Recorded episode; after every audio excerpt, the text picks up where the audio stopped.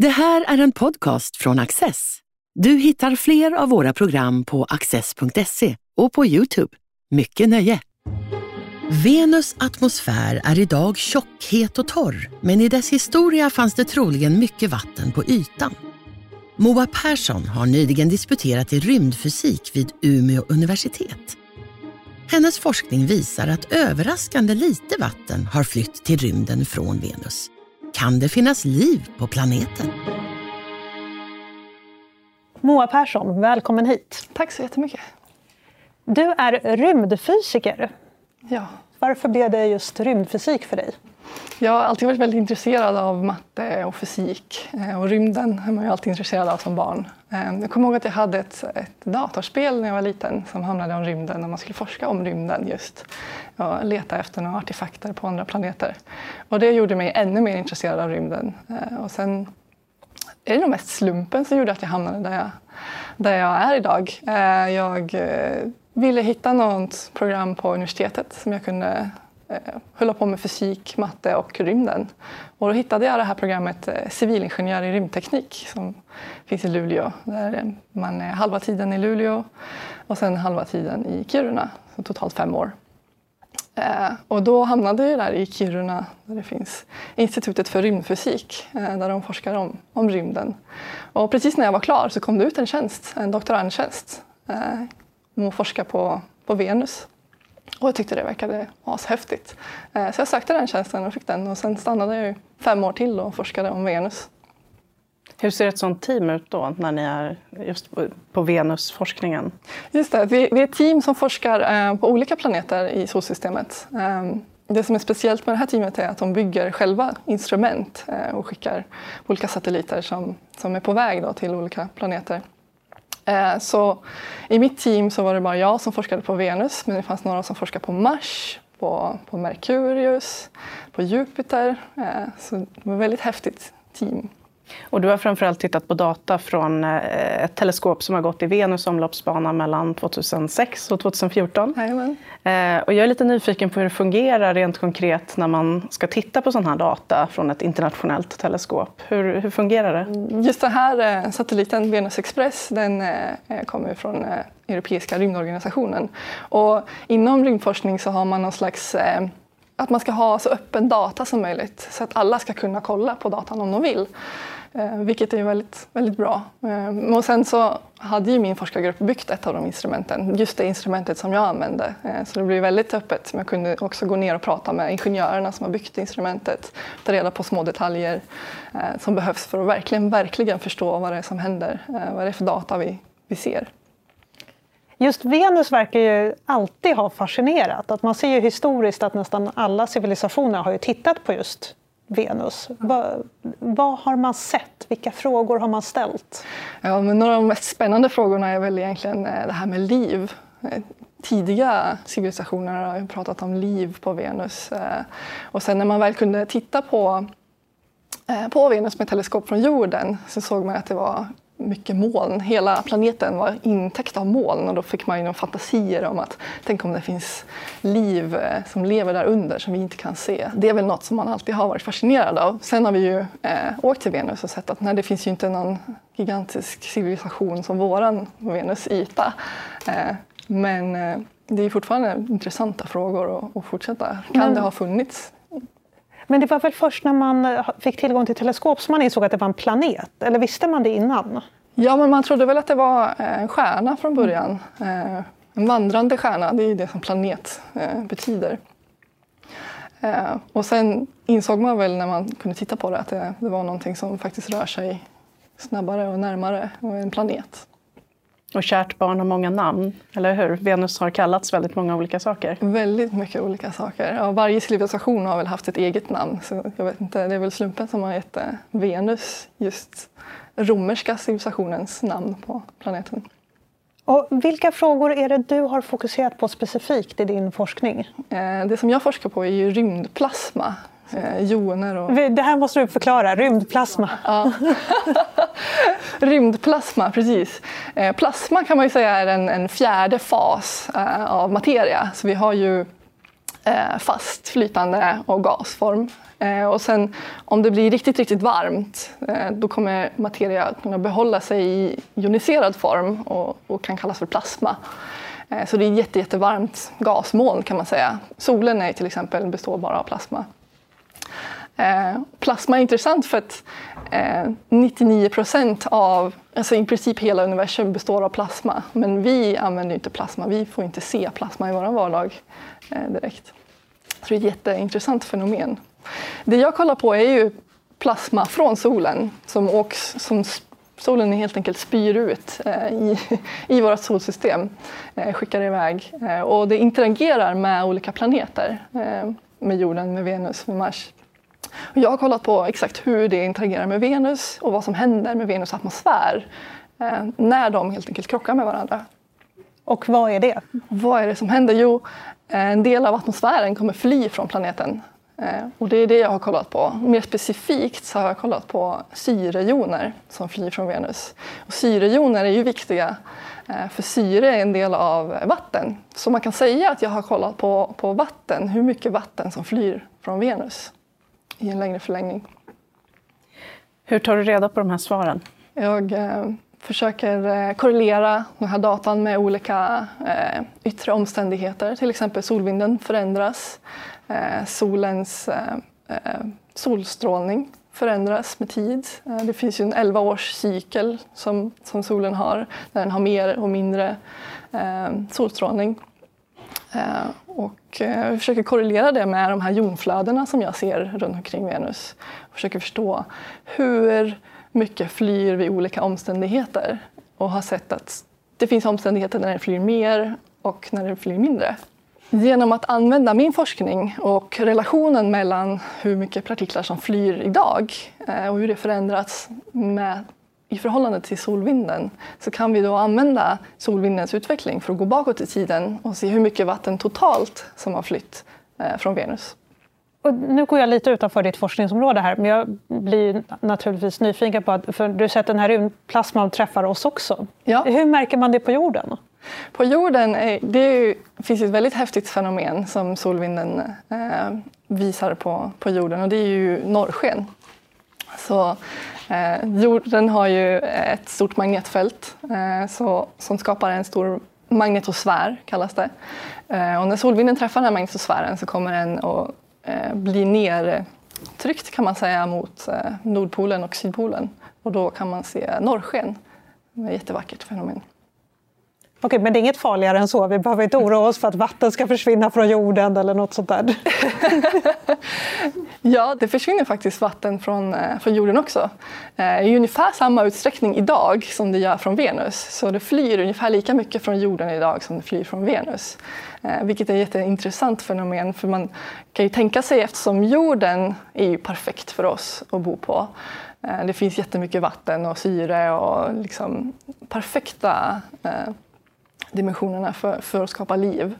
Venus är ju helvete i princip. Det är extremt varmt, eh, högt lufttryck och består i princip bara av koldioxid. Så en av de tankarna man har haft är att den här interaktionen som Venus har med solvinden eh, kan ha bidragit till att Venus är så annorlunda från jorden. Eh, för Venus har inget magnetfält och eh, det skapar en annan interaktion än vad det gör med, med jorden. Men eh, om man kollar på hur det ser ut idag så är det ungefär samma mängd vatten som flyr från, från Venus som flyr från jorden.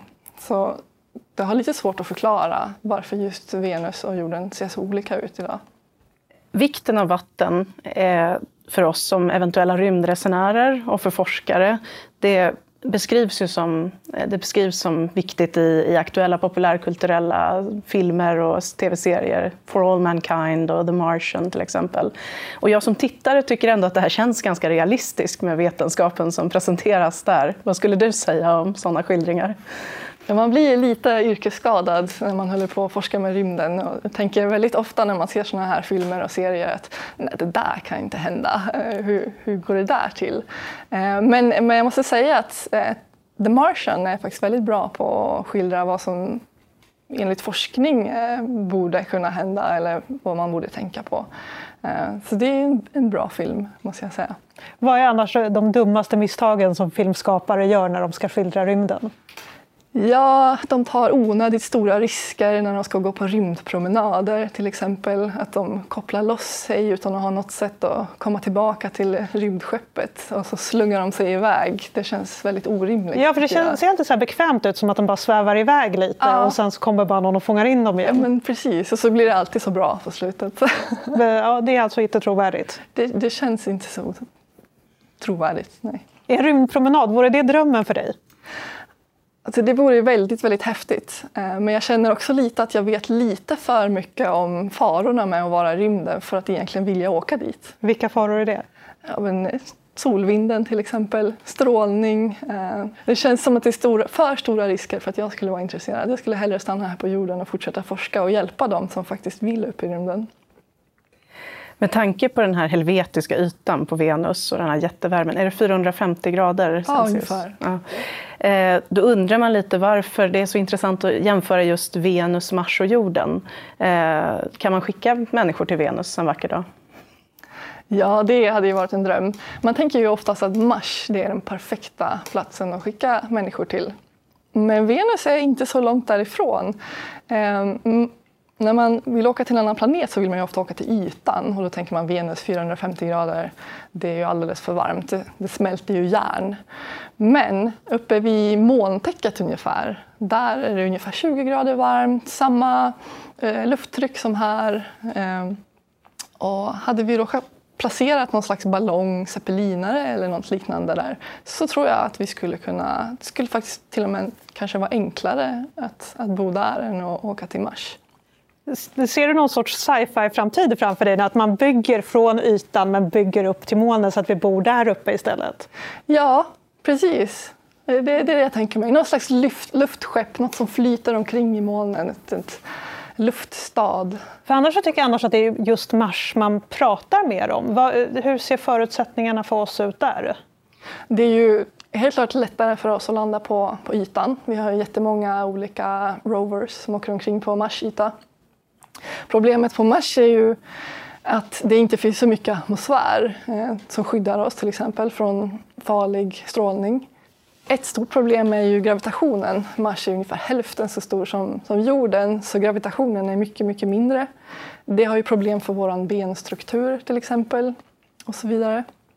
Eh, och Mars ligger också längre bort från solen. Så vi, om vi ska få energi på något sätt så kan man ju tänka sig att eh, vi behöver använda solar panels hade vi placerat den på Venus istället så hade vi behövt mindre solpaneler än på Mars eftersom den ligger närmare solen. Så det finns många fördelar med Venus även om det finns också många nackdelar. Intressant. Finns det någon tredje variant så att säga eller är det just Mars och Venus som man tittar på från jordens håll? Ja, det finns väl månen också, ska jag tänka mig. Där är det väl ännu svårare, ännu mindre, det finns absolut ingen atmosfär eh, och eh, långa nätter.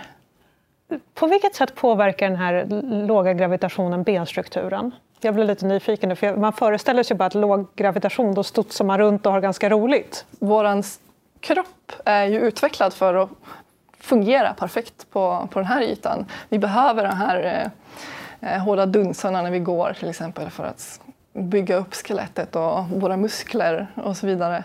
Eh, så får vi inte träna på använda musklerna eller använda skelettet så tror jag att det helt enkelt bara kroppen tycker att det är onödigt. Du skriver att vindarna är ett utmärkande drag för Venus atmosfär. Varför är det här viktigt? Ja, vindarna är ju extremt snabba. Eh, rör sig med mellan 100 till 400 meter per sekund. Eh, och de är ju viktiga att förstå varför det händer. Eh, hur ska det kunna skapas eh, på det sättet? En, en utmärkande drag för Venus är ju också att den knappt roterar runt sin egen axel. Eh, så den, en dag på Venus är längre än ett år. Men däremot i, i molnen eh, rör sig med ungefär fyra dagar, jorddagar alltså, runt hela planeten.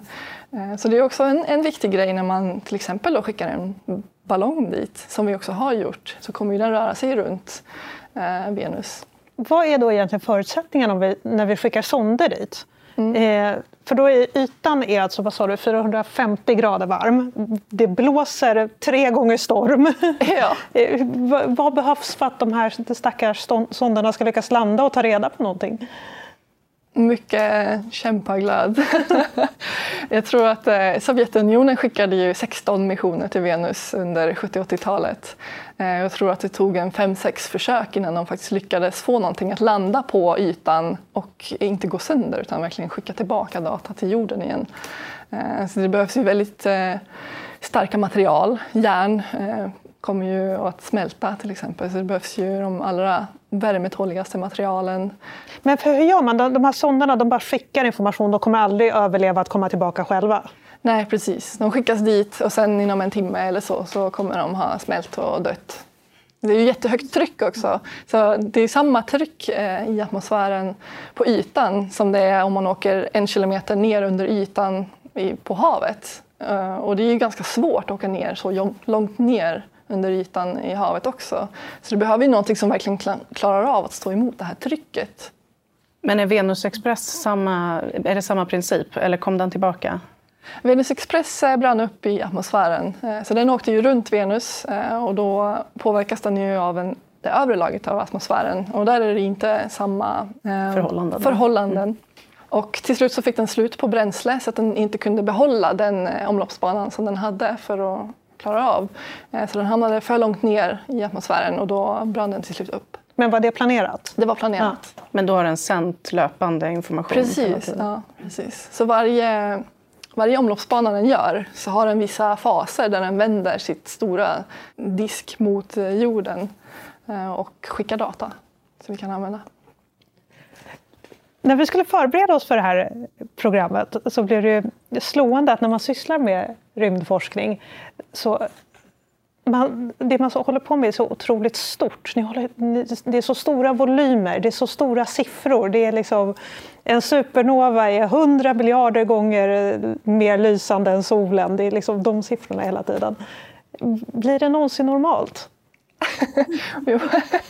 Ja, man blir väl rätt van vid, vid de här stora siffrorna. Man, man använder ju förhållandet mellan olika saker istället för att förstå. Jag kan ju inte riktigt förstå kanske hur mycket 10 upp till 24 partiklar är. Eh, men eh, när jag vet att, att vid eh, Venus är det 10 till 24 och Mars är det 10 till 24, ja då, då kan jag ha något slags förhållande. Så, så nej, jag skulle inte säga att man vänjer sig vid de stora siffrorna, men man lär sig hitta något sätt att förhålla sig till. Ja, de stora avstånden, de stora volymerna. Det, man blir ju väldigt liten mm. på jorden. Man blir väldigt liten, ja.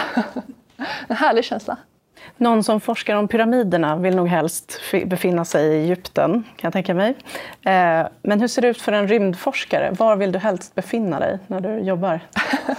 Tydligen inte på en rymdpromenad. Så. Tydligen inte, nej, inte på en rymdpromenad. Eh, det hade varit väldigt, väldigt häftigt eh, att befinna sig på, på Venus såklart. Men jag kände mig rätt nöjd att sitta på mitt kontor på jorden. Och just Kiruna fungerar bra? Kiruna fungerar väldigt bra. Det är en väldigt fin plats eh, att vara på och en väldigt fin arbetsplats. Men finns det inte någon eh, plats på, på jorden, det är så roligt att man måste definiera på jorden, eh, som är drömplatsen för rymdforskare där man ser bäst och får mest information? Finns det inget sånt? I dagens eh, samhälle så, så, är det väldigt lätt att överföra data och teknik finns ju överallt. Så i princip skulle man kunna finna sig var som helst för att forska om det här. Såklart det finns olika ställen som är bättre än andra men hittar man en bra forskargrupp så, tror jag man är rätt nöjd. Det är forskargruppen viktigare än platsen? Jag tror att det är absolut viktigast. Ja. Och hur har den sammansättningen sett ut? Har det varit, är det svenska forskare du har jobbat med? Nej, det är blandat. Det är nog övervägande internationella forskare. Eh, Som kommer till Kiruna för det här? Ja, precis. Min eh, handledare till exempel kommer från Japan. Eh, Vår chef kommer från Ryssland. Jag tror att vi är en minoritet svenskar i min forskargrupp i Kiruna. Så det är väldigt internationellt. Och sen samarbetar man ju också väldigt mycket med andra institut i världen. Eh, både när de bygger instrumenten, de måste samarbeta och, och få ihop de här satelliterna så att det blir så de kan eh, mäta alla olika delar av det vi vill kolla på. Eh, och sen även när man forskar och vill förstå vad är det man gör egentligen så, så pratar vi väldigt mycket med andra forskare i världen också. Och hur är en sån här forskningsgrupp sammansatt? Är det bara rymdforskare eller är det så att vissa är mer tekniker? Eller? Ja, precis. Det är en blandning. Så det är både ingenjörer och forskare eh, som jobbar tillsammans. Så det är forskare i alla olika faser i sin forskningskarriär. Eh, professorer, doktorander, postdocs och så vidare. Så att, eh, det är en stor blandning. Forskarna jobbar tillsammans och sen jobbar ingenjörerna tillsammans. Och sen är det något utbyte mellan dem för att få fram de bästa nya instrumenten till exempel. Så det är en häftig miljö att vara på. Eh, just nu så håller de på att bygga ett instrument för att skicka till Jupiter. Eh, och den ska skickas upp snart. Det blir riktigt häftigt. Och hur kollar man Jupiter? Eh, så de kommer skicka en satellit dit som ska lyfta, jag tror att det är nästa år. Det kommer ta 8-9 år innan den kommer fram till Jupiter. Och sen ska den kolla på de tre största månaderna. Som är det återigen omloppsbana som gäller? Omloppsbana, ja. precis. Och hur ser framtiden ut för dig? Vad, vad fortsätter sen? Blir det, blir det fortsatt med Venus? Jag hoppas det blir fortsatt med Venus. Jag ska göra en postdoc eh, i Toulouse. Eh, och eh, där ska jag fortsätta med Venus, kanske lite Mars. Eh, det ska bli väldigt spännande. Varför försvann egentligen vattnet från Venus atmosfär? Kan man säga det? Tidigare i Venus historia hände den här eh, runaway, runaway greenhouse Gas-effekt eh, som gjorde att hela atmosfären värmdes upp jättemycket på grund av att det var så mycket eh, koldioxid och mycket strålning som förvarades inuti. Och då försvann en stor del av Venus atmosfär eh, och väldigt mycket av vattnet försvann då. Frågan är om allt vatten försvann då eller inte. Vi ser ju att vatten försvinner från Venus idag genom joner till exempel. Ut i rymden bara? Försvinner ut i rymden, ja. Men man vet alltså inte hur mycket som fanns från början? Nej, det finns indikationer som man använder och försöker ta reda på hur det ser ut. Ehm, För det funderar jag igen på, att du sa det tidigare att vatten försvinner från jorden också. Kan samma sak hända här? Jättebra fråga. Man kollar ju på väte eh, på, på, på Venus. Så man kollar på väte, förhållandet mellan väte och tungt väte. Eh, och försöker titta då på hur mycket som, av det här vätet som kan ha försvunnit. Och genom det så eh, försöker man förstå hur mycket som fanns från början. Eh, och då finns det något spann, så om man skulle ta allt i vattnet och lägga det på ytan på Venus så skulle det ge mellan 4 meter och 500 meter djupt eh, hav över hela Venus yta. Och det är ganska stort spann. Eh, och det kommer ju från bara det här förhållandet mellan väte och tungt väte. Eh, så om det stämmer är ju en bra fråga. Men vatten brukar ju betyda, eller man får en känsla av liv här. Finns ja. det liv på Venus eller har funnits? Idag kan vi ju inte se att liv finns på Venus. Det finns ju ny forskning som eh, funderar på om, om det kan finnas liv eller inte. Eh, men idag kan vi inte se att det finns liv på Venus, vad vi vet. Eh, om det har funnits tidigare i Venus historia, kanske. Det hade varit väldigt häftigt. Men jag tvivlar på det. Vad är roligast med din forskning? Det roligaste är att få ta reda på nya grejer, lära sig mer, eh, förstå mer, bidra till att vi som mänsklighet förstår mer eh, och stilla nyfikenheten helt enkelt. Moa Persson, tack för att du ville komma hit. Tack så mycket. Rymden är både kittlande och svårbegriplig. Men tack vare forskningen så kommer vi närmare och närmare hela tiden. Tack för att ni har tittat. Du har just lyssnat på en podcast från Access. Du vet väl att vi också är en tv-kanal och tidning? Teckna en prenumeration idag på access.se.